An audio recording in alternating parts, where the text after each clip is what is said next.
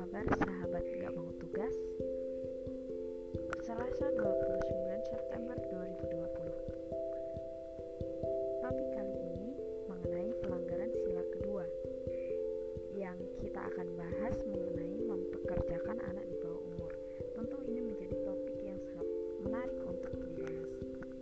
Di sini saya sudah ada bersama Kak Lista yang berasal dari Fakultas PG PGSD menurut pandangan Kak Lista kita akan tanya-tanya mengenai mempekerjakan anak di bawah umur nih. Menurut Kak Listanya gimana ya? Mari kita simak bersama menurut pandangan dari Kak Lista